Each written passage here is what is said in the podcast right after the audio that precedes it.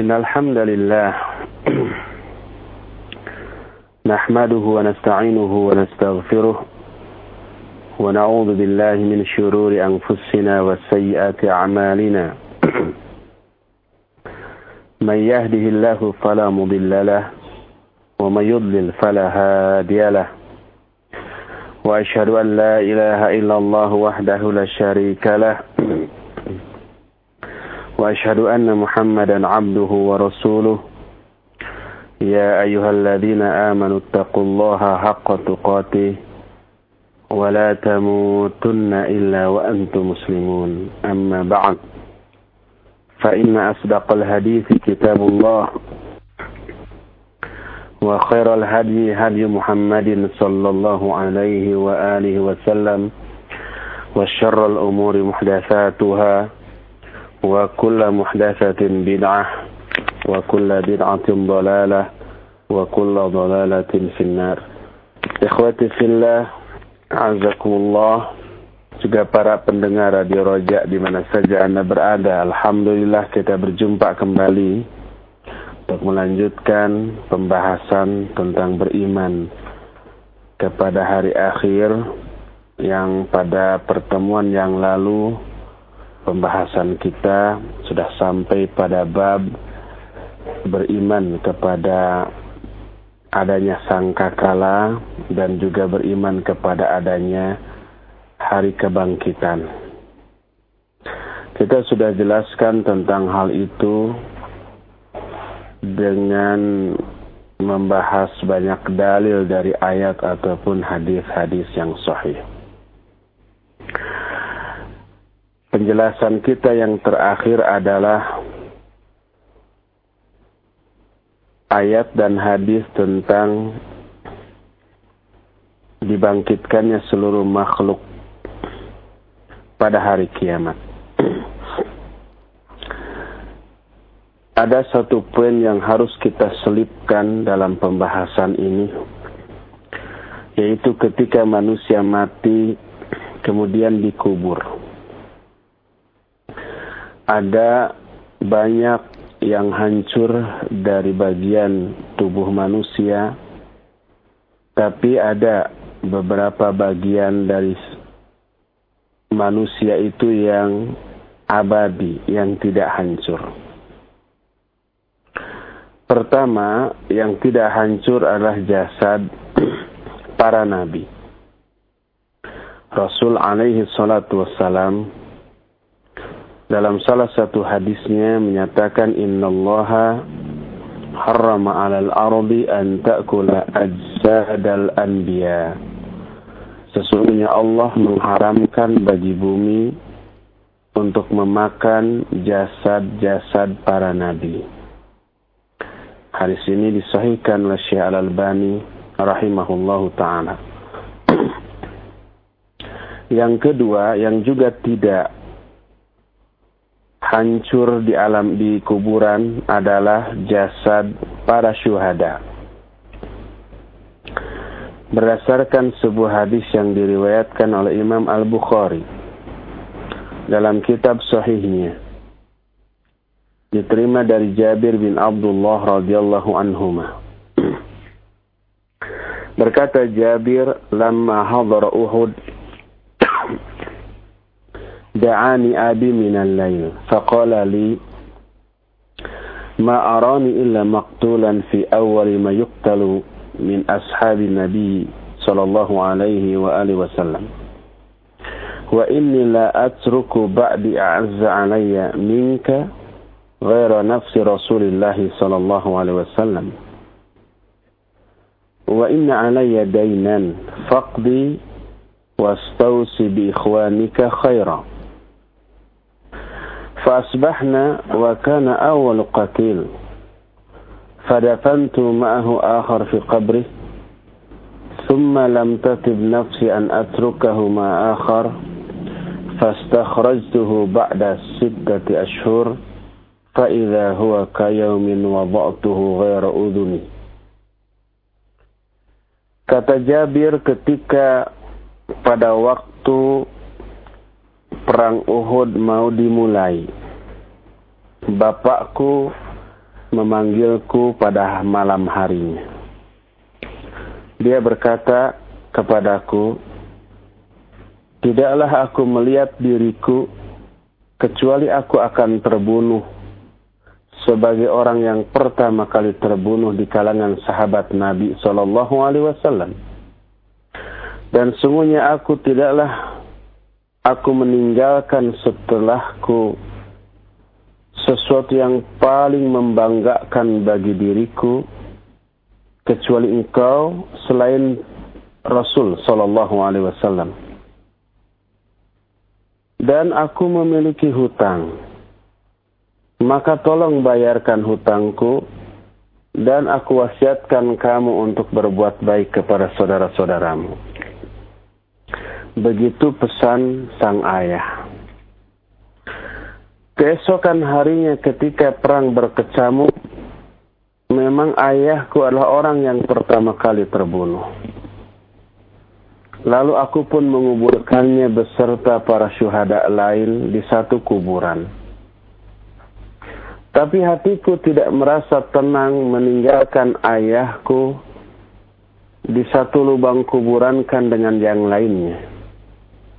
Maka setelah enam bulan berlalu, aku pun menggali kembali kuburan ayahku. Ternyata jasadnya persis seperti ketika aku menguburkannya. Kecuali dua daun telinganya yang sudah hilang. Hadis ini menjadi dalil bahwa setelah enam bulan berlalu, para syuhada Uhud tersebut jasad-jasadnya masih utuh. Dan ini menjadi dalil bahwa jasad para syuhada itu itu tidak hancur di kuburannya. Inilah poin yang kedua.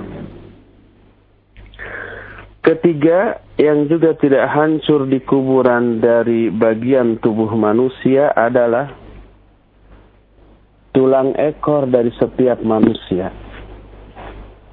Berdasarkan hadis yang diriwayatkan oleh Imam Muslim, hadis ini juga kemarin kita sudah ungkapkan diterima dari Abu Hurairah radhiyallahu an Nabi alaihi salatu wasallam bersabda wa laysa minal insani syai'un illa yabla illa 'azman wahidan wa huwa ajbu dhanbi wa minhu yurakkabul khalqu yaumal qiyamah tidak ada seorang pun tidak ada sesuatu pun dari tubuh manusia kecuali pasti akan hancur kecuali satu tulang, yaitu tulang ekor. Dari tulang itulah seluruh makhluk kembali terbentuk pada hari kiamat. Inilah yang ketiga yang tidak hancur di kuburan. Yang keempat yang juga tidak musnah, tidak hilang atau tidak hancur adalah ruh setiap manusia. Ulama ahlu sunnah menyatakan bahwa ruh itu tidaklah hancur seperti yang teralami oleh jasad. Dan ruh ini merupakan sesuatu yang hakiki yang berdiri sendiri yang apabila bertemu dengan jasad barulah ruh itu hidup jasad juga hidup dan apabila kedua-duanya terpisah, matilah kedua-duanya.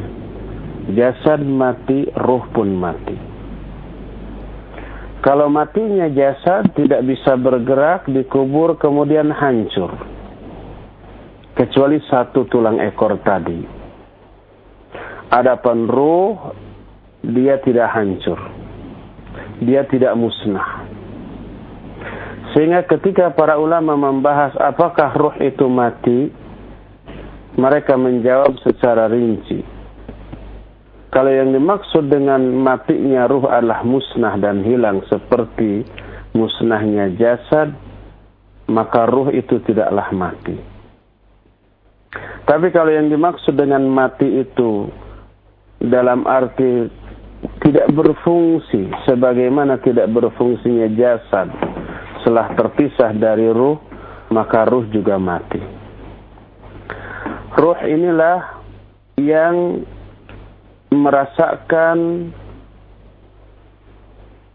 apa yang biasa dirasakan oleh orang yang mengalami nikmat, merasakan azab, ruh ini yang ditiupkan, ruh ini yang dicabut, ruh ini yang kemudian diangkat ke atas langit, dan seterusnya. Itu keyakinan ahlus sunnah tentang ruh. Adapun madhab jahmiyah, kaum filosof orang-orang Mu'tazilah yang takdimul akal anin nakal lebih mendahulukan akal daripada wahyu. Mereka menyatakan bahwa kedudukan ruh pada jasad itu tak ubahnya seperti kedudukan pendengaran bagi telinga. Tak ubahnya seperti penglihatan bagi mata. Kalau telinganya hancur hilang pula lah pendengaran. Kalau umpamanya hilang mata hancur, hilang jugalah penglihatan. Kadang-kadang ada mata tapi tidak bisa melihat.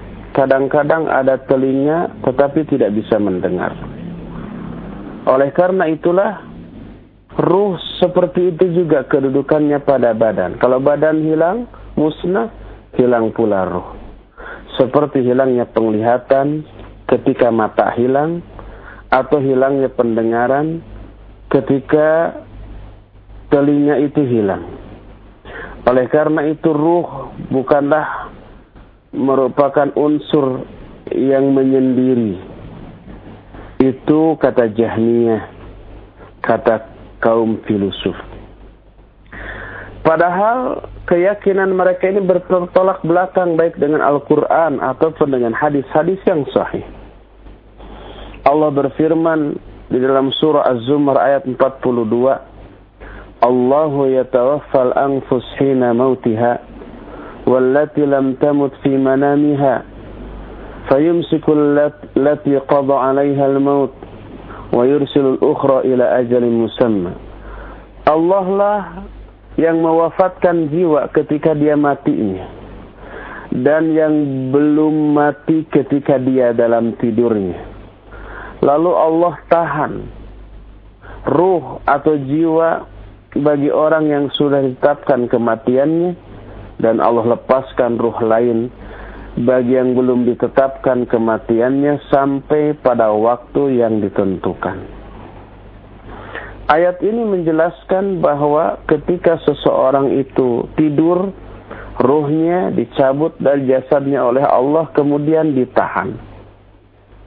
Walaupun terpisah antara jasad dengan ruh, tapi masih ada keterkaitan antara keduanya, tidak putus. Bagi mereka yang belum sampai saat kematiannya, ruhnya dilepaskan kembali dan dimasukkan lagi ke dalam jasadnya bagi mereka yang sudah ditetapkan ajalnya maka tetaplah ruhnya itu ditahan oleh Allah dan tidak dikembalikan lagi kepada jasadnya. Ayat ini menunjukkan dengan jelas bahwa ruh adalah sesuatu yang berbeda dengan jasad, bisa menyatu, bisa terpisah, dan ruh inilah yang kemudian abadi. Ruh inilah yang kemudian tidak hancur. Dia di alam kubur dikembalikan lagi kepada jasadnya dan nanti di akhirat juga dikembalikan kepada jasadnya menyatu kembali seperti halnya ketika kita di dunia ini kemudian mereka dihisab dengan jasad untuk mempertanggungjawabkan perbuatan mereka selama hidup di dunia. Inilah empat poin yang tidak hancur. Pertama jasad para nabi, kedua jasad para syuhada, ketiga tulang ekor dari setiap manusia, dan yang keempat adalah ruh. Itulah poin kelima dari bagian iman kita kepada hari akhir. Yang pertama yang sudah kita bahas tadi uh, dulu-dulu adalah beriman kepada tanda-tanda hari kiamat. Yang kedua, beriman kepada al-maut. atau kematian. Yang ketiga beriman kepada adanya alam kubur. Keempat beriman kepada adanya tiupan sangkakala. Dan yang kelima beriman kepada ada adanya hari kebangkitan. Kita lanjutkan kepada poin keenam yang merupakan bagian dari iman kita kepada hari akhir. Tidaklah sempurna iman kita kepada hari akhir tanpa beriman kepada poin yang keenam ini. Yaitu al-hasyr. Al-hasyr artinya pengumpulan. Dikumpulkannya seluruh makhluk. Tempat berkumpulnya makhluk disebut mahsyar adanya hari dikumpulkannya seluruh makhluk di akhirat nanti merupakan hal yang wajib kita yakini. Karena hal ini ditegaskan oleh Allah dalam banyak ayat juga diterangkan oleh Rasul sallallahu alaihi wa alihi wasallam dalam banyak hadisnya yang sahih. Adapun ayat Al-Qur'an pertama, surah Maryam ayat 8586. Allah berfirman, "Yauma nahsyurul muttaqina ila rahmani wafda wa nasuqul mujrimina ila jahannama wirda." Pada hari itu kami mengumpulkan orang-orang yang bertakwa kepada Allah wafda. Kata Ibnu Abbas, radhiyallahu anhuma wafda artinya rukbana dengan keadaan berkendaraan. Dikumpulkan dalam keadaan berkendaraan. Dan ini sebuah penghormatan penghargaan. Sehingga sebagian ulama mengartikan wafda dengan dalam keadaan terhormat pada hari itu kami kumpulkan orang-orang bertakwa kepada Allah dalam keadaan terhormat wa nasukul mujrimina ila jahannama wirda dan kami giring orang-orang yang berdosa menuju kepada jahanam dalam keadaan wirda. Berkata Ibnu Abbas radhiyallahu anhuma, wirda artinya al-jama'atul utash, sekelompok orang yang mengalami dahaga atau kehausan yang amat sangat. Kalau orang yang bertakwa dikumpulkan dalam keadaan terhormat, dalam keadaan berkendaraan. Kalau orang-orang yang berdosa dikumpulkan dalam keadaan kehausan yang amat sangat. Dalam surah Al-Isra 97 Allah berfirman, "Wa nahsyuruhum yawmal qiyamati 'ala wujuhihim umyan wa bukman wa summan ma'wahum jahannam kullama khabat zidnahum sa'ira." Dan kami kumpulkan mereka pada hari kiamat di atas wajah-wajah mereka. Mereka yang dimaksud di sini adalah orang-orang kafir. Kami kumpulkan mereka dengan berdiri dan berjalan di atas wajah-wajah mereka umyan wa bukman dalam keadaan buta, bisu dan tuli. Tidak bisa melihat, tidak bisa bicara, tidak bisa mendengar. Ma'wahum jahannam, tempat mereka di jahannam. Kullama khabat sidnahum sa'ira ketika jahannam itu mereda panasnya, hampir padam, kami tambah lagi nyalanya untuk mereka. Ayat ini pun menjelaskan adanya di pengumpulan orang-orang kafir di akhirat. Wa nahsyuruhum yawmal qiyamati ala wujuhim umyan wa bukman wa summa. Kami kumpulkan mereka pada hari kiamat di atas wajah-wajah mereka dalam keadaan buta, bisu dan tuli. Dalam Sahihain, Sahih Bukhari dan Sahih Muslim diterima dari Aisyah radhiyallahu anha berkata Rasul alaihi salatu wasalam tuhsyaruna huffatan uratan guralan ay ghair mukhtatinin ghair makhtunin قالت عائشة رضي الله عنها فقلت يا رسول الله الرجال والنساء ينظر بعضهم إلى بعض فقال الأمر أشد من أن يهمهم ذلك Kata Rasul alaihi salatu wasallam kalian akan dikumpulkan pada hari kiamat dalam keadaan hufat. Hufat itu artinya tidak bersendal tidak bersepatu. Nyeker kata orang Sunda Dalam keadaan urat juga, tidak berpakaian. Tak selembar pun benang yang menghalangi tubuhnya. Dan dalam keadaan gurola, yaitu dalam keadaan tidak berkhitan. Walaupun di dunia sudah dikhitan, di akhirat kembali tidak berkhitan. Dalam tiga keadaannya, tidak bersendal, tidak bersepatu, tidak berkaos kaki, tidak berpakaian, juga tidak dikhitan. Berkata Aisyah, wahai Rasulullah, kalau begitu para laki-laki dan para wanita saling melihat satu sama lain.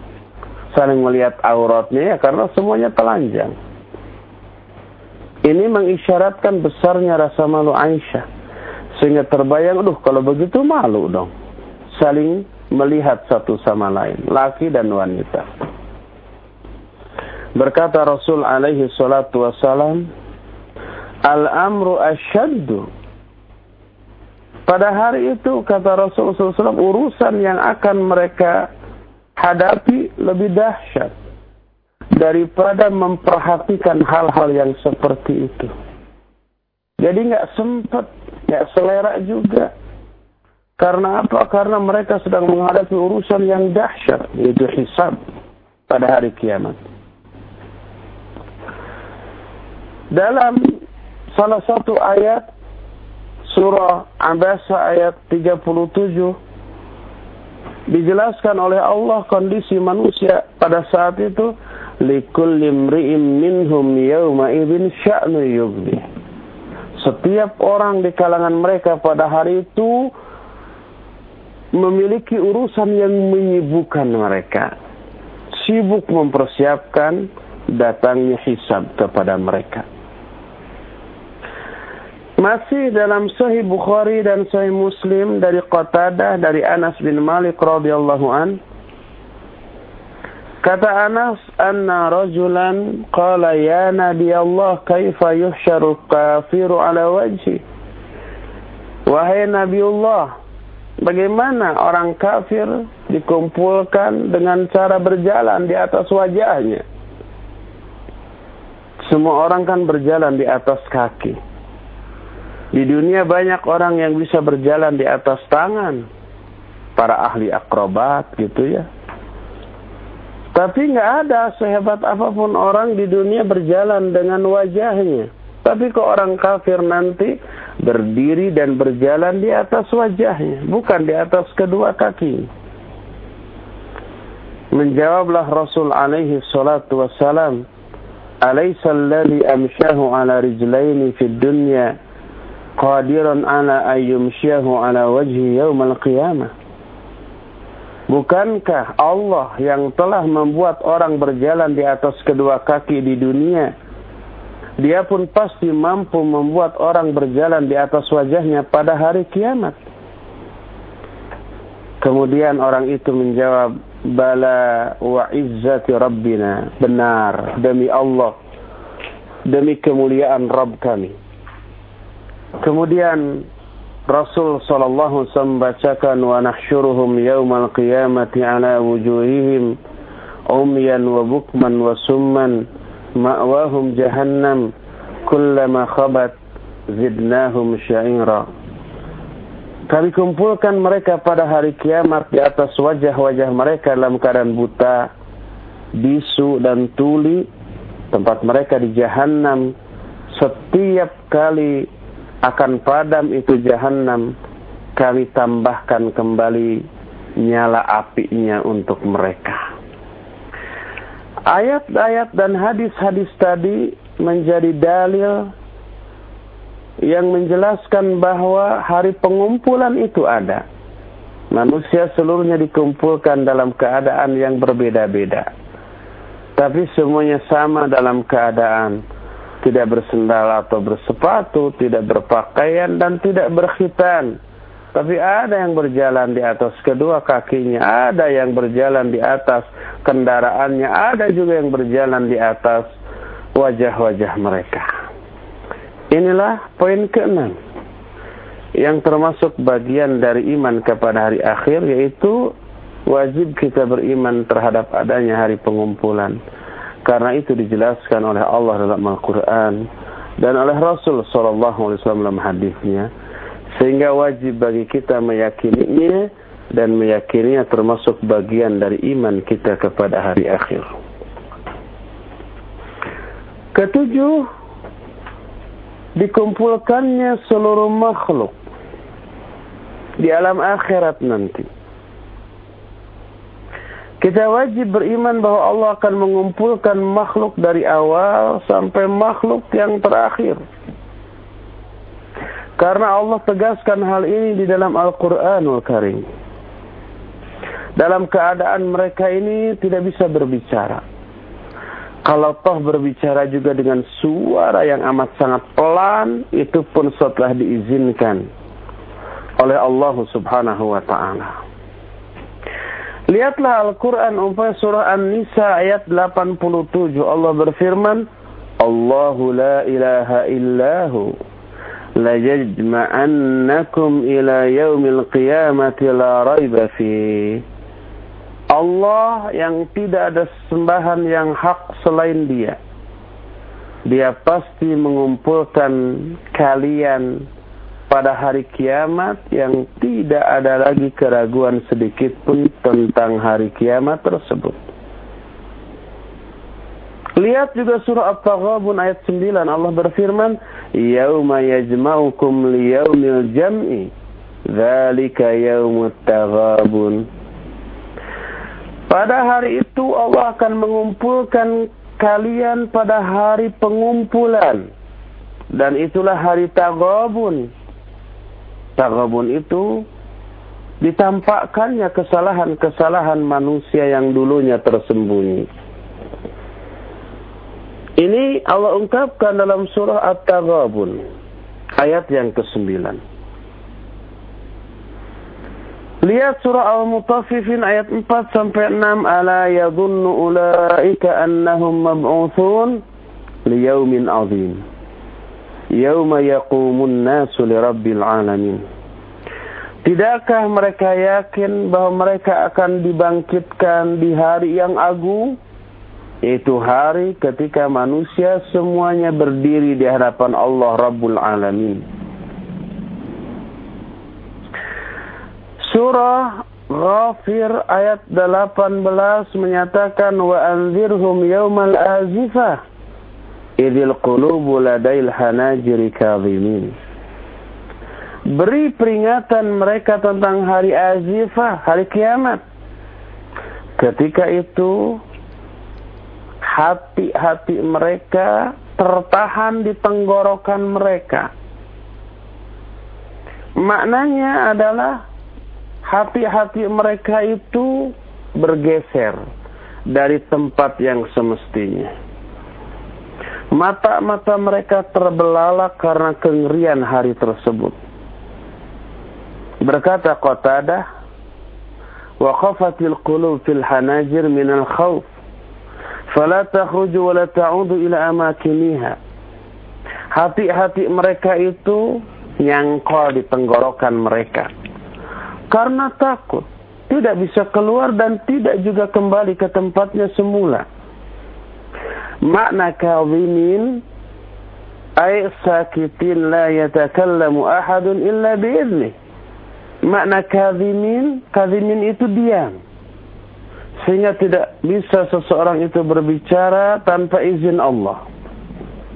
Surah An-Naba ayat 38 menyatakan yauma yaqumur ruhu wal malaikatu saffa لا يتكلمون إلا من أذن له الرحمن وقال صوابا Pada hari itu berdirilah ruh dan para malaikat secara berbaris. Yang dimaksud ruh di sini adalah malaikat Jibril. mereka tidak berbicara kecuali yang diizinkan oleh Allah dan dia akan berkata dengan benar. Berkata Ibnu Jurej yang dimaksud dengan kadhimin yakni bakin. Yang dimaksud dengan orang-orang saat itu hati-hati mereka nyangkau di tenggorokan mereka dalam keadaan kadhimin yaitu menangis. Kata Al-Baghawi makrubin mumtaliina khaufan wa jaz'a. Mereka merasakan ketegangan, keresahan karena hatinya dipenuhi dengan ketakutan. Dalam surah Al-Ma'arij ayat 4 hari di saat mereka dikumpulkan itu satu harinya lamanya sebanding dengan 50 ribu tahun. Fi yaumin kana miqdaruhu khamsina alfasana. Pada hari itu, kata Allah, fi yaumin kana miqdaruhu khamsina alfasana, pada hari yang kadar lamanya sama atau sebanding dengan 50 ribu tahun di dunia. Saat itu semua orang sibuk dengan urusannya masing-masing, tidak peduli kepada ayah dan ibu, anak, saudara, sahabat, kerabat, cueh. Likulli yawm minhum yawma idzin sya'nu. Setiap orang dari kalangan manusia pada hari itu memiliki urusan yang menyibukkan. Sehingga setiap orang tidak menyapa kerabatnya. Tidak menyapa juga anaknya, saudaranya, orang tuanya. Berkata Ibnu Abbas radhiyallahu anhuma ya'rifu ba'dhum ba'dha thumma yafirru ba'dhum min ba'd ba'da dhalik Mereka saling mengenal satu sama lain, tapi setelah itu masing-masing mereka lari dari yang lain, tidak lagi peduli. Surah Al-Mu'minun ayat 101 menyatakan فَإِذَا نُفِخَ فِي السُّورِ فَلَا أَنْسَابَ بَيْنَهُمْ يَوْمَئِذٍ وَلَا يَتَسَاءَلُونَ Bila ditiup sangkakala maka tidak ada lagi hubungan persaudaraan di antara mereka pada hari itu dan mereka tidak saling menyapa tidak saling bertanya Orang yang paling fasih, paling pandai berbicara ketika di dunia, saat itu mereka tiba-tiba membisu. Tidak akan terdengar suara. Tidak akan ada yang berbicara kecuali setelah diizinkan oleh Allah. Surah Hud ayat 105 menyatakan, "Yauma ya'ti la takallamu nafsun illa bi'idnih." pada hari ketika datang masa di mana satu jiwa pun tidak akan berbicara kecuali dengan izin Allah. Surah Toha 108 menyatakan wa khasha'atil aswatu lirrahman fala tasma'u illa hamsa. Semua suara-suara tertunduk kepada Allah maka kamu tidak akan bisa mendengar kecuali Hamsa. Berkata Ibnu Abbas, Hamsa adalah as-sautul khafi. Hamsa itu suara yang samar. Dalam riwayat lain Ibnu Abbas menyatakan tahrikus syafa min ghairi mantiq. Bergeraknya kedua bibir tapi tidak terdengar suara. Ini yang akan terjadi pada hari kiamat nanti. Seluruh manusia saat itu ditak, dipenuhi dengan rasa takut karena keburukan hari itu begitu merata. Surah Al-Insan ayat 7 menyatakan wa yakhafuna yauman kana syarruhu.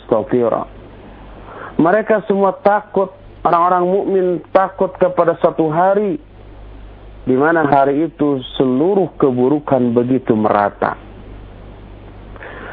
Semua orang cemberut. Tidak ada tawa, tidak ada canda, bahkan senyum ataupun ekspresi keramahan pun semuanya hilang. Allah berfirman dalam Al-Insan ayat 10, "Inna nakhafu min rabbina yawman abusan qamtarira." Sesungguhnya kata orang-orang mukmin dalam Al-Insan itu kami takut kepada Allah pada suatu hari di mana hari itu semua orang cemberut. Disebutkan abusan qamtarira ay syadidan tawila syiddah wal bala. Kecemberutan yang amat sangat yang amat sangat lama, yang amat sangat cemberut dan lama karena mengalami penderitaan, kesusahan, dan bala. Ini semuanya menunjukkan kengerian pada hari ketika manusia dikumpulkan pada hari kiamat. Hadis yang diriwayatkan oleh Imam Ahmad diterima dari Miqdad radhiyallahu an. Kata Miqdad sami'tu Rasulullah sallallahu alaihi wa alihi wasallam yaqul Idza kana yaumul qiyamah udniya udniyatis syamsu min al-ibad hatta takuna qadra mil milain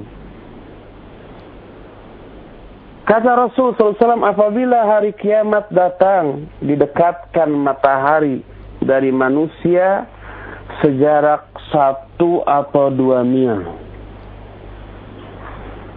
Berkata Sulaim bin Amir, salah seorang perawi hadis ini, "Fawallahi ma adri ma ya'ni bil mil, amasafatul am al-mil ladhi tuktahalu bihil ain. Demi Allah aku tidak tahu apakah yang dimaksud mil satu mil di sini adalah jarak di muka bumi ini ataukah mil yang merupakan alat di celaknya mata manusia. Alat untuk mencelak mata itu mail itu tutup botolnya. Botolnya kita tahu tutupnya itu ada batangnya. Batangnya itu dimasukin ke dalam botol, nanti celak-celaknya itu menempel di batangnya itu, kemudian batangnya itu yang diusap-usapkan ke kelopak mata. Itu juga mail sejarah itu. Demi Allah aku tidak tahu kata Sulaim bin Amir. Apakah mil ini jarak di muka bumi ataukah sepanjang batang dari tutup botol itu? Mereka pun lalu kegerahan karena matahari itu.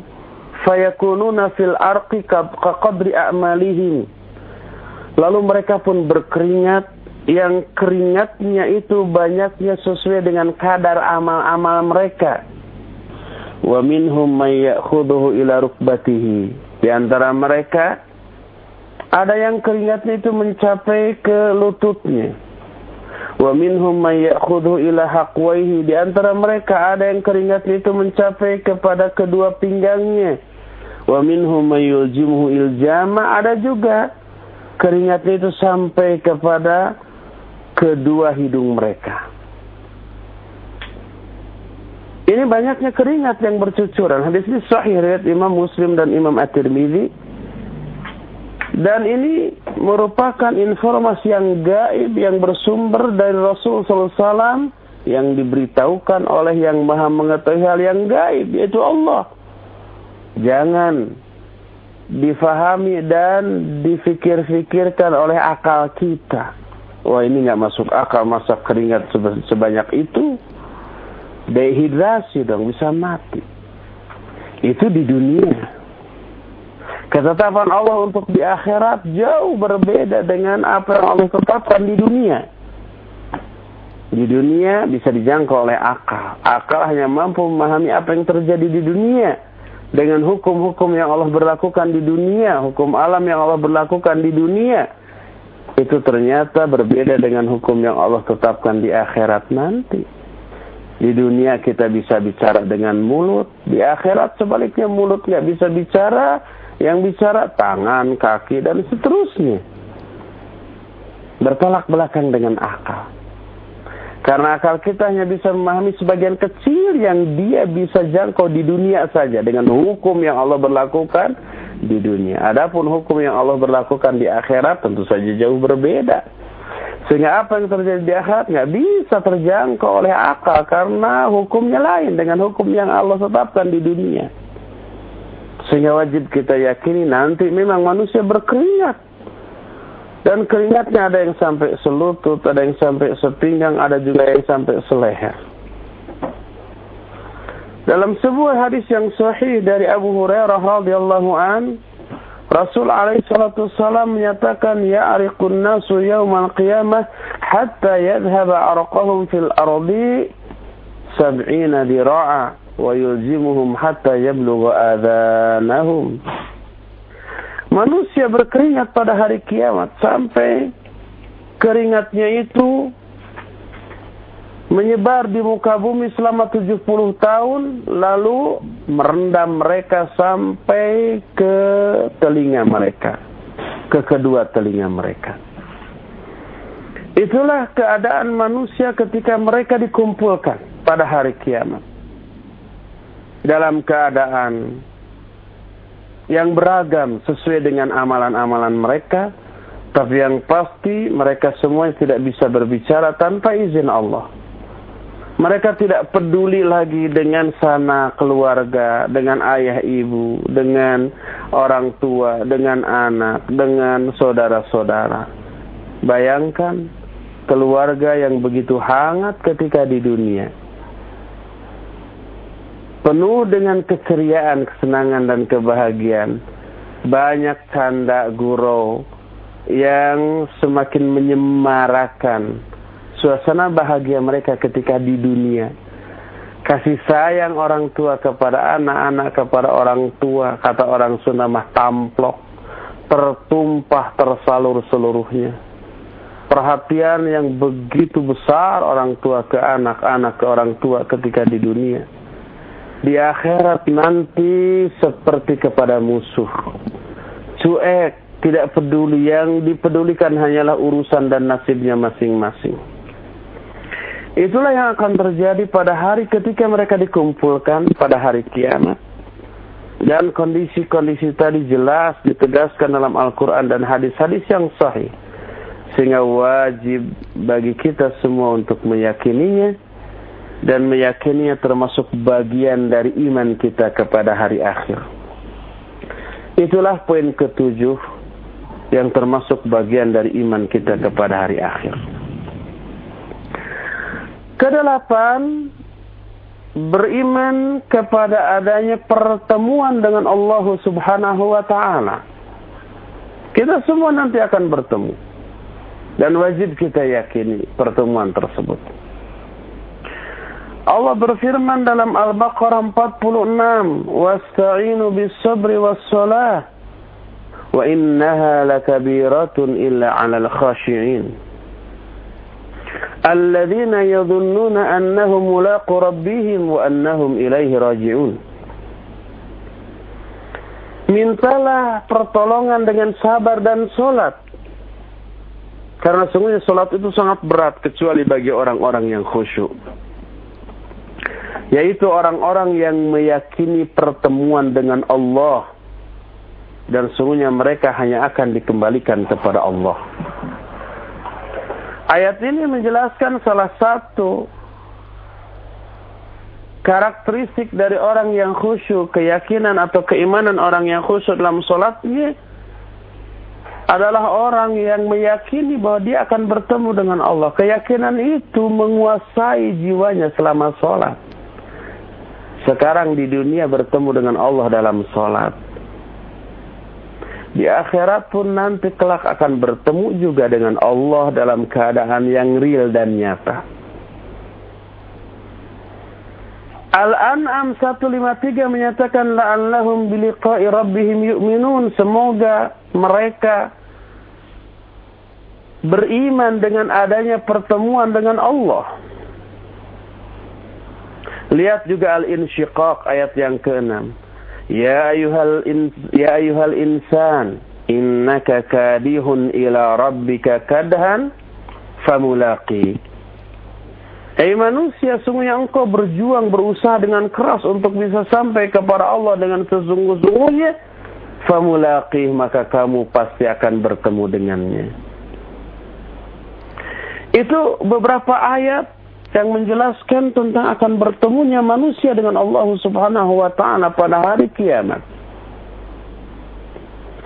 Ditunjang juga dengan sunnah, dengan hadis Rasul sallallahu alaihi wasallam yang sahih sebuah hadis dalam kitab Sahih Bukhari dari Aisyah radhiyallahu anha. Kata Aisyah, Rasul sallallahu alaihi wasallam bersabda, "Man ahabba liqa Allah, ahabba Allah liqa'ah, wa man kariha liqa Allah, kariha Allah liqa'ah."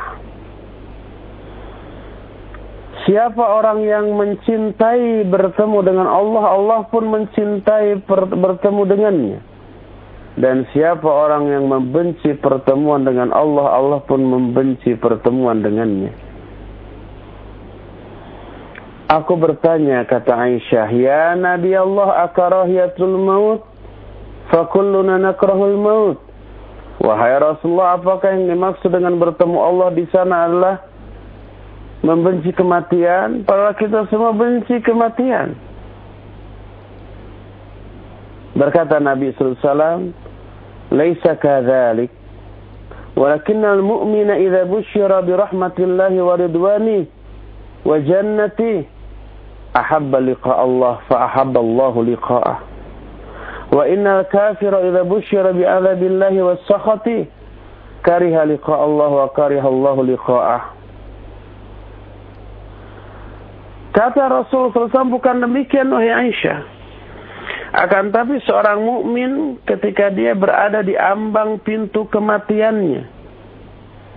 Akhir kehidupannya di dunia. Mau masuki alam kematiannya seorang mukmin dia diberikan kabar gembira dengan rahmat Allah, dengan keridoannya, dengan surganya, dan pemberi pemberian informasi tentang rahmat tentang surga itu dengan cara turunnya para malaikat kepada mereka. Di akhir kehidupannya menjelang kematiannya sebagaimana firman Allah innal ladzina qalu rabbuna Allah thumma istaqamu tatanazzalu alaihimul malaikatu alla takhafu wa la tahzanu wabshiru bil jannati allati kuntum tu'adun Orang-orang yang berkata, Rabb kami Allah. Kemudian mereka istiqamah.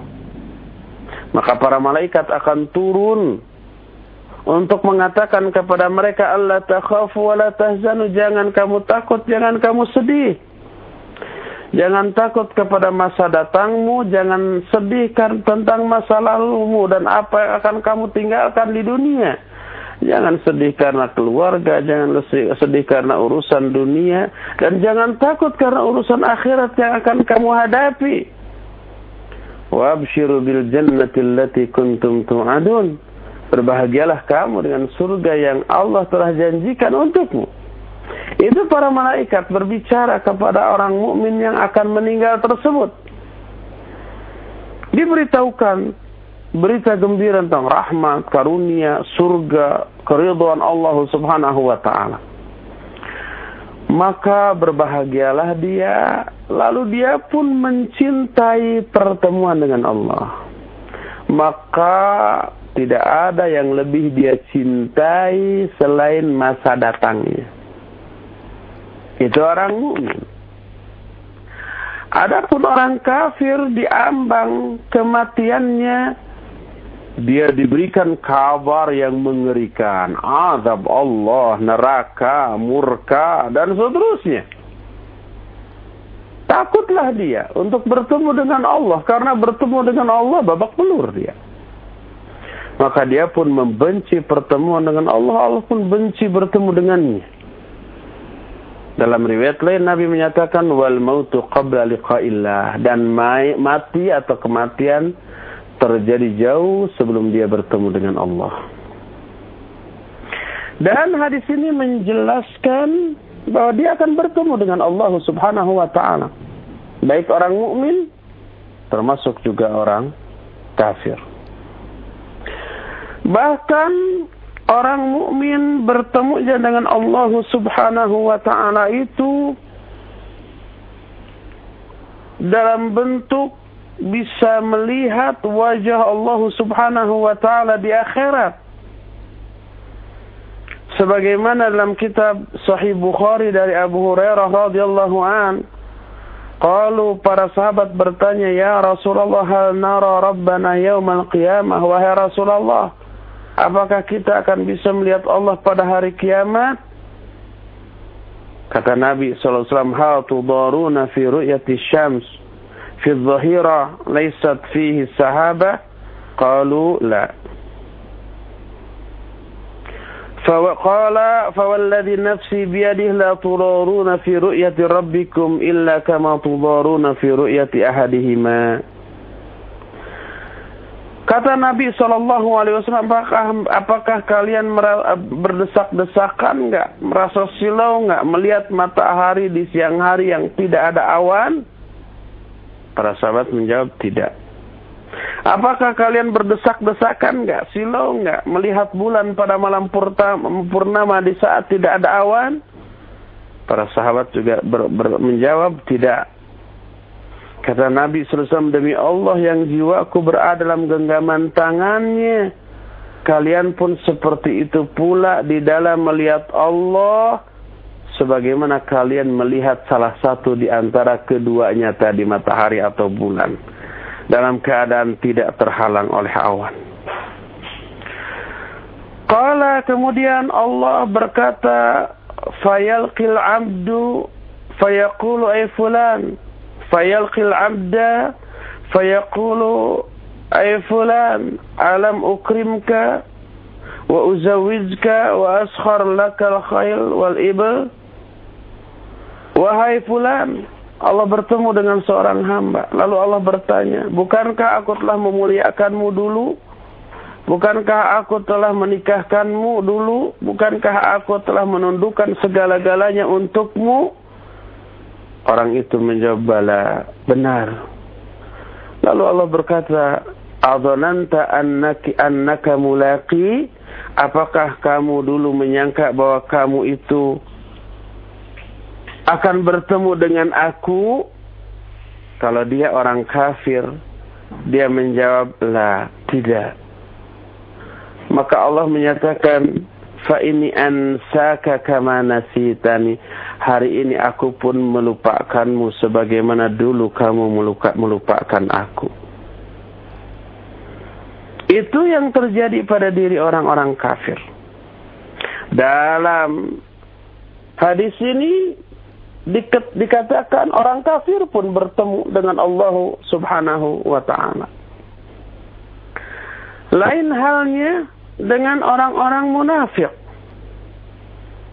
Ketika ditanya seperti itu oleh Allah Subhanahu wa taala, orang munafik menjawab, "Ya Rabbi, amantu bik wa bi kitabik wa bi rusulik wa sallaitu wa sumtu wa tasaddaqtu wa yusni bi khairi mastafa. Kata orang munafik, ya Allah, dulu aku beriman kepadamu. Beriman kepada kitabmu, kepada para rasul, aku sholat, aku som, aku sodako. Dia memuji diri semampunya. Kata Allah subhanahu wa ta'ala, Al-an nab'athu syahidan alaik. Sekarang, untuk membuktikan kebenaranmu, kami akan mengutus seorang saksi untukmu. Wa yatafakkaru fi nafsih. Dia berfikir dalam hati siapa yang akan menjadi saksi. Dia bertanya man dal man malilladhi yashhadu alayya siapa yang akan menjadi saksi atasku? Fayukhtamu ala fi Lalu Allah mengunci mulutnya. Mulut orang munafik itu dikunci nggak bisa lagi ngomong. Fayuqalu li fakhidhihi wa lahmi wa idhami antiqi.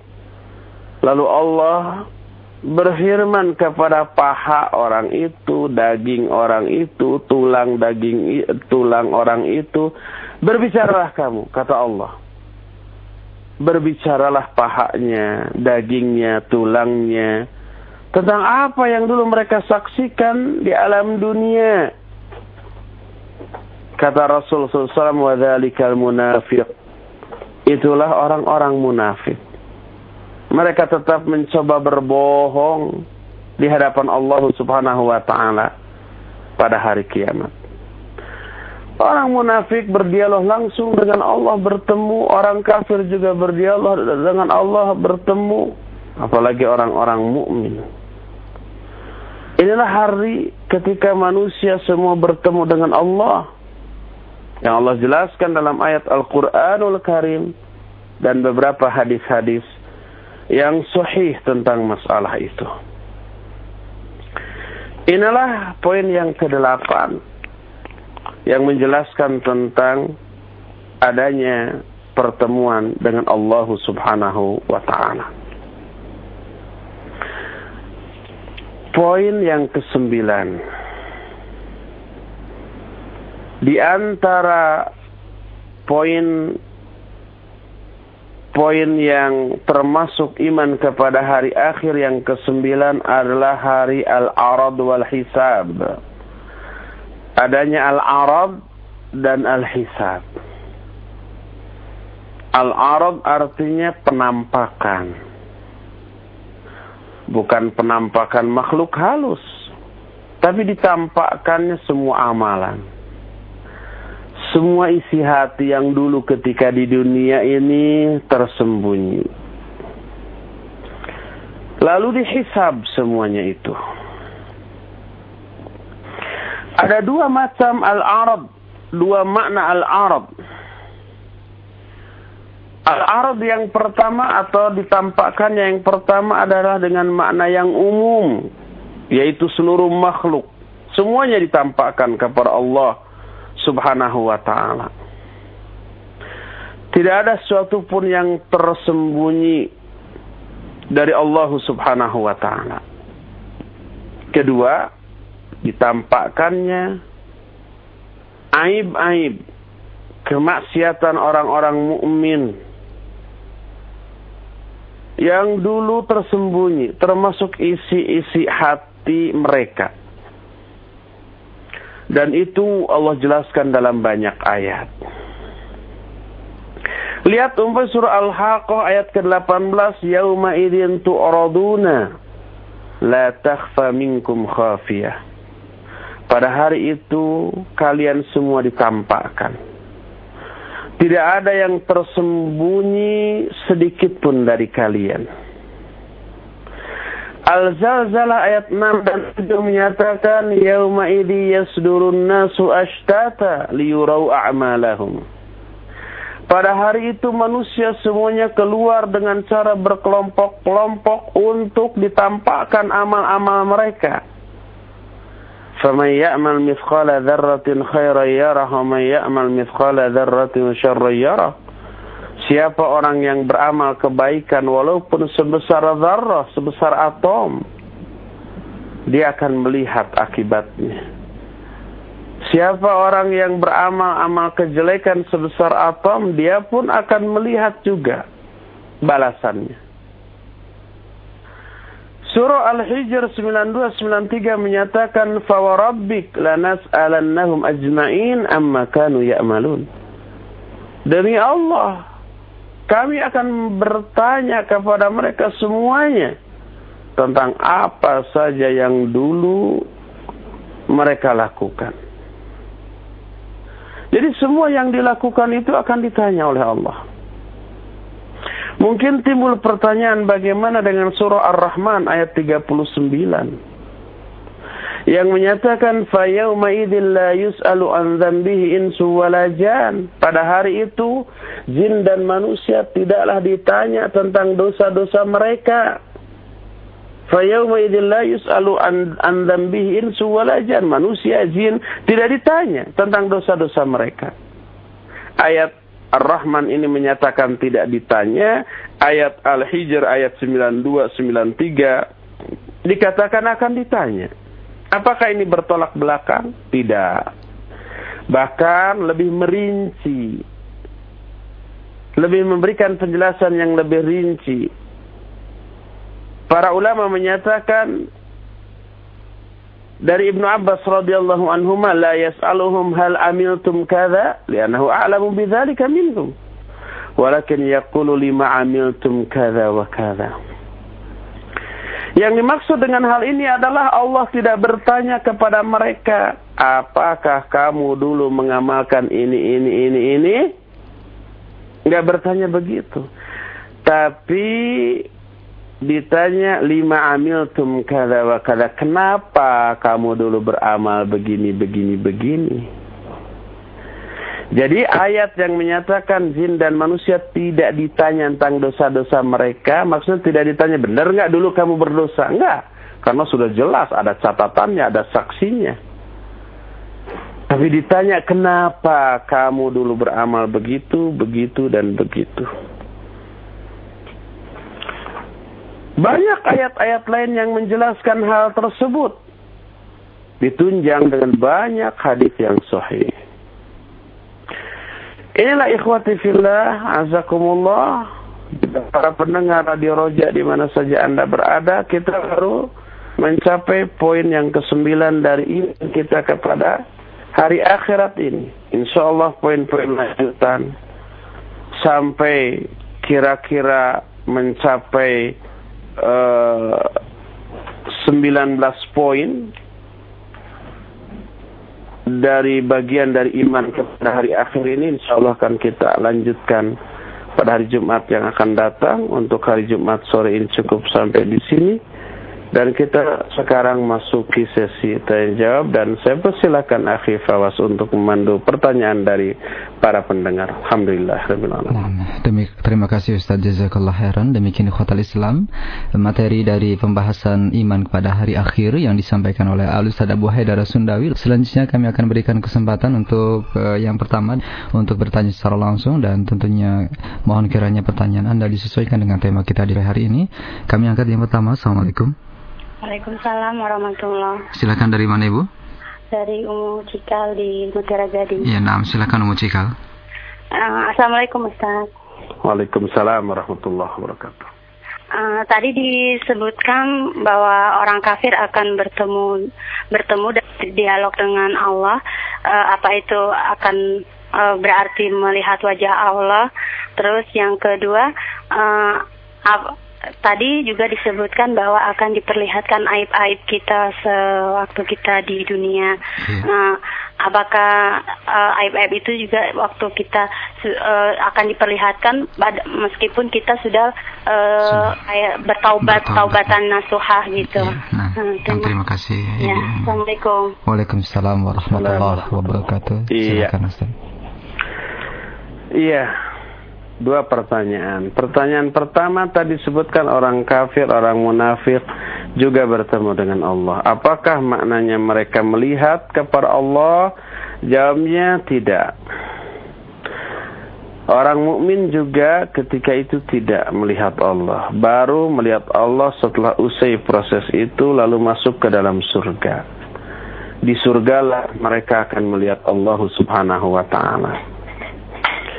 Adapun sebelum ke surga tidak. Karena melihat Allah merupakan bonus tambahan dari balasan terhadap pahala mereka. Allah berfirman dalam Al-Qur'an, "Lilladzina ahsanul husna wa ziyadah." Bagi orang-orang yang berbuat kebaikan akan diberikan balasan al-husna, kebaikan pula, wa ziyadah. Dan ada balasan tambahan. Balasan tambahannya adalah bisa melihat wajah Allah Subhanahu wa taala. Itu orang mukmin. Adapun orang kafir tidak. Allah berfirman, "Kalla innahum yawma idzin an rabbihim lamahjubun." Kata Allah, sama sekali tidak. Sungguhnya mereka pada hari itu terhijab, terhalang dari melihat Allah Subhanahu wa taala. Itu orang-orang kafir. Sehingga Imam Ash-Syafi'i rahimahullah beristimbat dengan ayat ini, kalau orang kafir terhalang dari melihat Allah menunjukkan orang mukmin tidak terhalang. orang mukmin bisa melihat Allah dan ayat itu oleh Imam Syafi'i dijadikan sebagai ayat yang menjadi dalil tentang bisanya orang mukmin melihat wajah Allah pada hari kiamat yaitu di surga. Adapun orang kafir tidak. Bertemu tidak berarti bisa melihat. Ini poin yang pertama. Kedua, Umu Cikal tadi juga bertanya apakah uh, orang yang berdosa kemudian bertobat masih akan ditampakkankah kesalahan-kesalahannya nanti? Jawabnya tidak. Karena sudah tidak ada lagi kesalahan. Karena sudah dihapus. Oleh karena itu uh, Syekh Muhammad bin Saleh Al-Utsaimin rahimahullah dalam kitab Syarah Riyadhus Shalihin ketika menjelaskan masalah maghfirah Beliau menyatakan bahwa maghfirah berasal dari kata mighfarah yang artinya kepala uh, topek penutup kepala dari besi yang dulu suka dipakai oleh para prajurit di medan perang. Menutupi kepala yang terlihat hanyalah mata, hidung, dan bibir. Ada dua fungsi dari mighfarah. Pertama menutupi, yang kedua melindungi. Dari sini lahirlah kata maghfirah yang berasal dari mighfarah tadi memiliki dua cakupan makna tadi. Maghfirah mencakup ia menutupi, ia juga melindungi. Maknanya ditutup itu kesalahan-kesalahan di dunia dan di akhirat dari pandangan seluruh makhluk. Dan dilindungi artinya dia tidak terkena azab. Azabnya dihapus dengan magfirah itu. Sehingga kata beliau kalau ada orang berdosa, terus dosanya di dunia ditutupi tapi di akhirat diazab, orang ini nggak memperoleh magfirah. Sebaliknya kalau ada orang berdosa, kemudian selama di dunia dosanya ditampakkan di hadapan orang lain, tapi di akhirat diampuni, orang ini juga nggak dapat magfirah. Tapi kalau seorang berdosa, lalu dosanya di dunia ditutup, di akhirat diampuni, barulah orang ini dapat magfirah. Dapat ampunan. Oleh karena itulah, maka orang yang berdosa, kemudian dia bertobat di dunia dengan taubatan nasuha, lalu turun maghfirah ampunan dari Allah, maka dia akan memperoleh dua poin tadi. Ya ditutup dosa itu tidak hanya di akhirat, di dunia juga ditutup dan di akhirat nanti diampuni. Oleh karena itu yang dimaksud dengan amal-amal, rahasia-rahasia semuanya akan dibongkar, dibuka di akhirat adalah amalan-amalan yang tidak tertobati ketika di dunia ini. Adapun sudah ditobati maka insya Allah dihapus. Wallahu a'lam bisawab. Nah, terima kasih Silakan. Ustaz. Nah, kami angkat berikutnya dari penelpon yang kedua ada Ibu Ova di Kelapa Gading, Jakarta Utara. Silakan Ibu. Ya. Assalamualaikum Ustaz. Waalaikumsalam warahmatullahi wabarakatuh. Silakan Ibu. Iya, Ustaz, kami mau bertanya masalah kematian Ustaz e, kalau misalnya seseorang itu sudah apa maksudnya itu dia tidak takut mati e, dia juga tidak merasakan rasa takutnya sur, e, apa neraka, neraka dan dia tidak mengharapkan indahnya surga tapi hmm. walaupun misalnya dia itu mau ditaruh neraka selama Allah itu tersenyum kepadanya dia insya Allah ikhlas gitu. Oh, gitu ya. Nah, yang dia takutkan itu pada saat dia mati dia tidak bertemu dengan Tuhannya dan dia sangat takut itu yang pertama yang kedua itu dia sangat takut kalau misalnya segala hmm. perbuatan di dunia itu tidak sesuai dengan kehendak Allah. Iya. Dan yang kedua Ustadz, eh, ya, kalau uh, misalnya uh, kita berdoa, doa itu kan selalu dikabulkan gitu. Pada suatu hari ada doa yang tidak terkabul, apakah itu berarti Allah itu jauh dari kita? Iya, nah, ya, cukup Ibu ya, terima kasih. Nah. Ya, terima kasih. Assalamualaikum. Waalaikumsalam warahmatullahi wabarakatuh. Nah, iya, pertanyaan pertama tadi dikatakan Bagaimana kalau orang tidak peduli kepada surga atau neraka? Dia tidak takut mati, tidak takut ke neraka, yang penting Allah tersenyum kepadanya. Yang dia takutkan kalau dia tidak bertemu dengan Allah. Apakah itu benar? Hmm. Iya, hmm. Ibu tadi saya sudah katakan bertemu dengan Allah itu suatu kepastian. Orang mukmin ataupun orang kafir. Tapi pertemuan dengan Allah itu tidak menjadi jaminan bahwa kita selamat. Tadi dikatakan orang kafir juga bertemu dengan Allah, orang munafik juga bertemu dengan Allah. Pasti itu bertemu, jangan khawatir. Cuma bukan itu yang dikhawatirkan. Tapi kita khawatir ketika bertemu dengan Allah, Allah dalam keadaan murka. Itu yang kita takutkan. Oleh karena itulah, ketakutan seperti ini wajib kita miliki takut kita bertemu dengan Allah dalam keadaan murka dan kalau murka itu pasti Allah akan memasukkan kita ke dalam azabnya di neraka dan itu yang paling yang sangat kita takuti. Sehingga kalau ada orang bertanya saya tidak peduli masuk ke neraka asal Allah tersenyum itu pernyataan yang kontradiktif. Kalau Allah memasukkan kita ke dalam neraka, nggak mungkin Allah tersenyum kepada kita. Kalau Allah tersenyum kepada kita, nggak mungkin Allah memasukkan kita ke dalam neraka. Kalau Allah ridho, kalau Allah sayang, nggak mungkin Allah memasukkan kita ke dalam neraka. Sesuatu hal yang sesuatu hal yang mustahil, yang bertolak belakang. Tapi takutnya kita kepada neraka wajib, wajib, wajib kita miliki. Harus kita takut dalam neraka. Karena apa? Karena Allah sering menyuruh kita untuk takut ke dalam neraka. Allah menyatakan, "Fattaqun naral lati waquduhan nasu wal hijar." Takutlah kamu ke dalam, ke dalam neraka. Takutlah kamu kepada neraka yang kayu-kayu bakarnya itu terdiri dari manusia-manusia dan batu-batu. Kita diperintahkan oleh Allah untuk takut kepada neraka. Sehingga kalau kita tidak takut kepada neraka, berarti kita tidak memenuhi perintah Allah. Ah, saya nggak takut ke neraka, bukan neraka yang saya takuti. Itu keliru karena bertolak belakang dengan perintah Allah. Wattaqun nar. Takutlah kamu kepada neraka. Oleh karena itu, salah satu ciri orang-orang yang bertakwa, yang beriman adalah takut ke dalam neraka. Dan orang yang takut kepada neraka itu oleh Allah diberi pahala, dianggap orang mukmin dan dimasukkan dalam surga. Coba lihat Ibu salah satu ayat. Wa amma man khafa maqama rabbih wa nahan nafsa 'anil hawa fa innal jannata hiyal ma'wa. Kata Allah. Wa amma man khafa maqama rabbi adapun orang yang takut kepada maqam Allah. Takut itu takut kalau murka Allah, takut kepada neraka Allah, takut kepada azab Allah itu takut. Wa nahan nafsa anil hawa lalu dia menahan dirinya dari hawa nafsu. Fa innal jannata ma'wa, maka surgalah tempat kembali dia. Ayat ini menyatakan orang mukmin itu takut kepada Allah Subhanahu uh, takut kepada neraka Allah Subhanahu wa taala. Coba lihat Bu, surat-surat yang saya bacakan tadi tentang orang mukmin dalam surah Al-Insan. Dikatakan wa yakhafuna yawman kana syarruhu mustatira.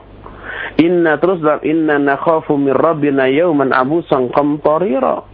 Mereka takut kepada suatu hari di mana keburukan hari itu begitu merata Terus mereka berkata kami takut kepada Allah pada suatu hari ketika hari itu semua muka bermuka masam. Oleh karena itulah maka dalam salah satu ayat surah As-Sajdah tentang orang-orang beriman oleh Allah dikatakan orang-orang beriman itu beribadah kepada Allah khauman khaufan wa tama'an wa mimma razaqnahum yunfikun. Mereka beribadah dengan khauf dan toma, dengan perasaan takut dan perasaan berharap. Takut terhadap apa? Takut kepada azab neraka. Oleh karena itu ibadah kita wajib disertai dengan rasa takut. Selain dengan rasa mahabbah dan juga roja. Tiga perasaan wajib kita padukan dalam ibadah kita. Khauf, mahabbah, dan roja.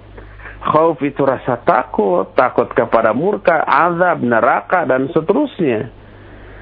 Mahabbah itu cinta kepada Allah dan roja berharap kepada Allah. Oleh karena itu para ulama menyatakan siapa orang yang beribadah kepada Allah hanya disertai rasa takut saja tanpa mahabbah dan roja, dia ini khariji khawarij.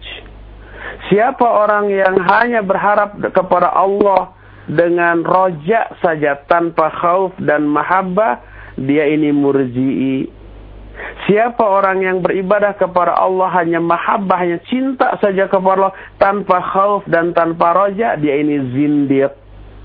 Sedangkan orang mukmin muttaqin beribadah kepada Allah dengan tiga perasaan ya khauf, ya roja, ia juga mahabbah. Tiga-tiganya harus, Bu. Oleh karena itulah maka wajib kita memiliki rasa takut kepada neraka dan siapa orang yang merasa takut dengan itu Allah akan ridhoi orang itu. Kelak Allah akan tempatkan di dalam surga. Timbul pertanyaan, apakah masih bisa disebut ikhlas kalau seseorang beribadah kepada Allah karena takut neraka atau karena ingin surga?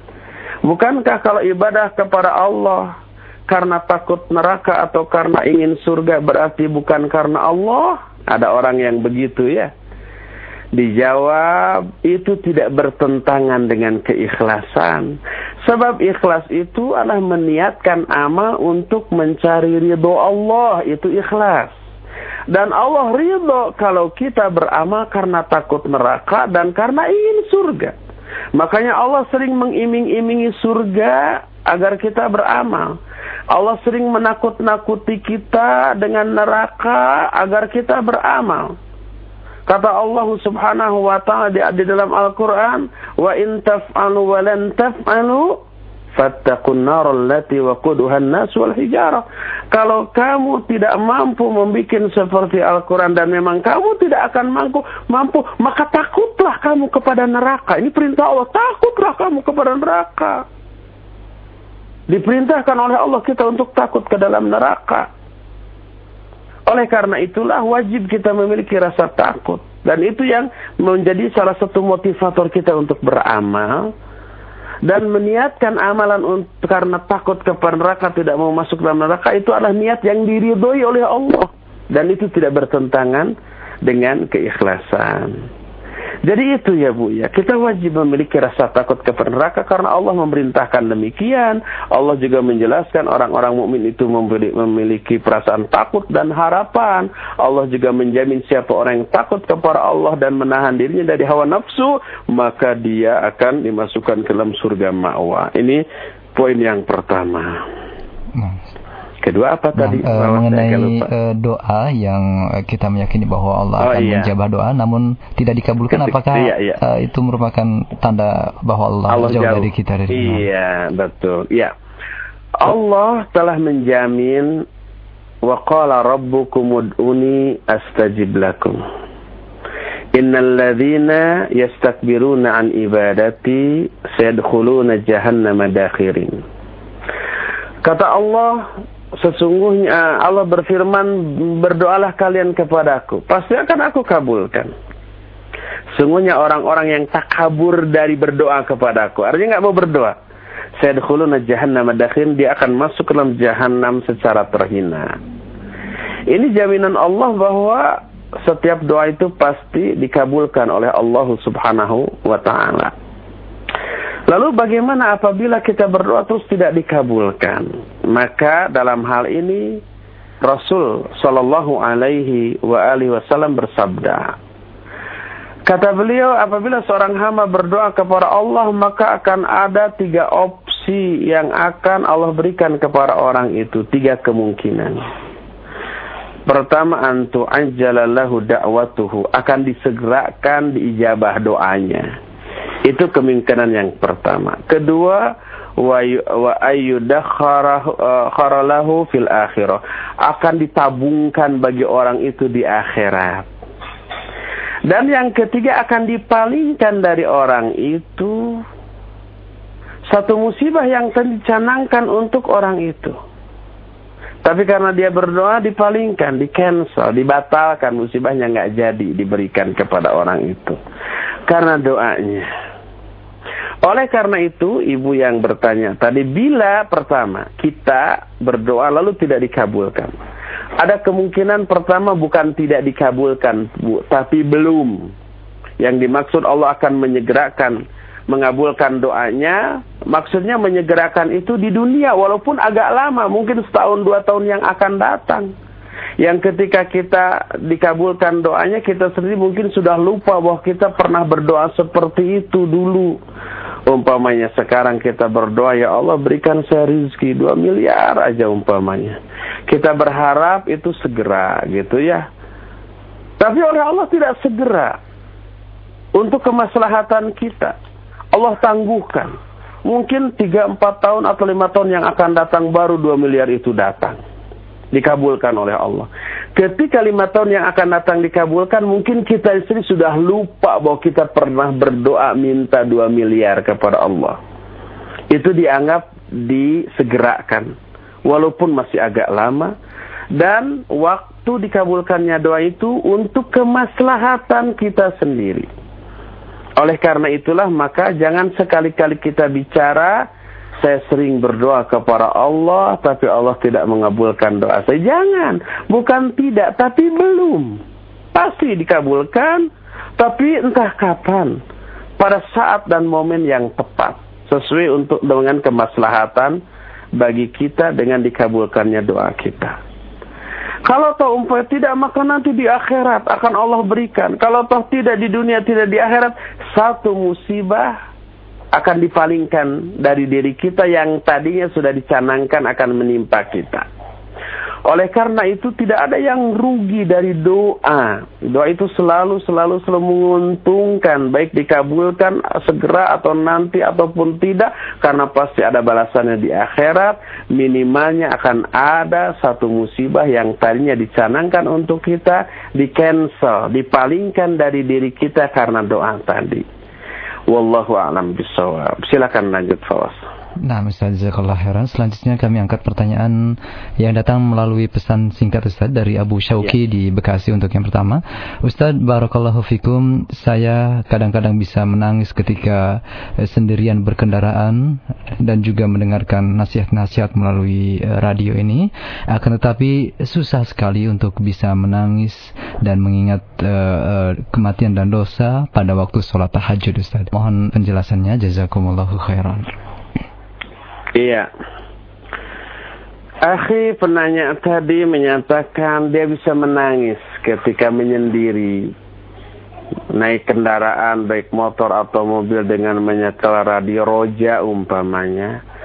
Kemudian dibahas kematian, dibahas azab, dibahas neraka, dibahas akhirat dan seterusnya. Bisa menangis. Tapi ketika tahajud sendirian kok susah menangis. Kenapa demikian? Pertama hal ini menunjukkan dahsyatnya pengaruh ilmu. Ilmu itu bisa menumbuhkan rasa takut kepada Allah. Semakin tinggi ilmu, semakin besar rasa takut. Allah berfirman, Innama yakhshallaha min ibadihil ulama. Sesungguhnya orang-orang yang takut kepada Allah di kalangan hamba-hambanya hanyalah para ulama, orang-orang yang berilmu. Ketika mendengarkan uraian ilmu takut dan menangis. Tapi ketika ibadah di sana tidak ada penambahan ilmu gitu ya. Susah untuk menangis. Ini poin yang pertama. Yang kedua, sebenarnya apabila tahajud kita didasari dengan ilmu, kita pun bisa menangis seperti ketika kita mendengarkan uraian ilmu. Berupa ketika kita tahajud, ada penghayatan terhadap apa yang kita baca. Bacalah umpamanya ayat-ayat yang menceritakan tentang azab, tentang neraka sehingga kita takut, kita khawatir, kitalah yang terkena dengan azab itu. Kita hayati ketika kita sholat. Dengan penghayatan semendalam yang kita bisa.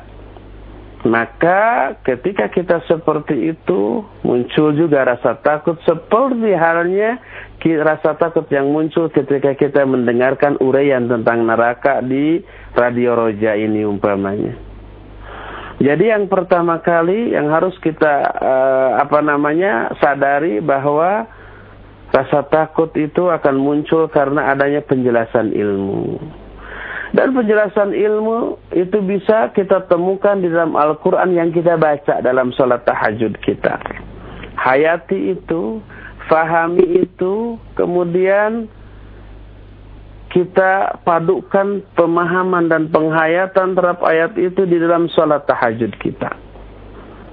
Kedua, coba kita berupaya untuk mencari syarah atau penjelasan dari makna seluruh doa yang kita baca dalam sholat. Kalau umpamanya ayat Al-Fatihah dan surat-surat yang kita baca, kita bisa buka tafsir tentang hal itu. Nah doa ketika kita ruku subhana rabbiyal azim, subhana rabbiyal a'la ketika sujud, rabbik firli ketika kita duduk tasyahud dan seterusnya. Coba baca syarah tentang doa-doa itu. Syarah terhadap doa-doa itu akan mendorong kita untuk lebih menghayati bacaan sholat. Dan penghayatan terhadap hal itu membuat kita akan agak lama di dalam sholat. Tapi walaupun lama, karena adanya penghayatan, ada kenikmatan rohaniah di, da di dalamnya. Di sinilah diperolehnya kekhusyuan dan kenikmatan dalam beribadah. Sehingga ada rasa nyaman, ada rasa tentram, ada rasa betah ketika kita berada dalam sholat karena di dalamnya ada penghayatan. Penghayatan melahirkan kekhusyuan, kekhusyuan melahirkan kenikmatan ketika ibadah. Betahlah kita berlama-lama di dalam sholat. Dari sini nanti kita akan berpikir, oh fisik kita harus kuat dalam sholat. Karena kalau fisik lemah gitu ya, kita ingin lama dalam sholat tapi fisiknya tidak menunjang, kita nanti akan sakit-sakit, akan pegal-pegal. Akhirnya kita ingin terburu-buru selesai dalam sholat kita. Oleh karena itulah, maka hayati isi bacaan sholat, terutama dalam sholat tahajud, maka suasana yang tercipta ketika kita mendengar uraian-uraian tentang neraka, tentang azab Allah seperti yang kita dengar di kajian, di roja, juga insya Allah akan lebih tercipta ketika kita sedang melaksanakan sholat terlebih tahajud. Di, kalau di dalamnya terkandung ter, uh, penghayatan, melahirkan kehusuan, melahirkan kenikmatan, akan betahlah kita di dalam tahajud tersebut. Insya Allah suatu saat saya ingin kapan-kapan di Roja ini membahas tentang bagaimana caranya kiat untuk bisa menangis dalam ibadah, dalam sholat dan seterusnya. Wallahu a'lam bishawab. Cukup sampai di sini insyaallah kita berjumpa kembali hari Jumat yang akan datang. Subhanakallahumma bihamdik asyhadu an la ilaha illa anta astaghfiruka wa atubu ilaik. Walhamdulillahirabbil alamin. Wassalamualaikum warahmatullahi wabarakatuh.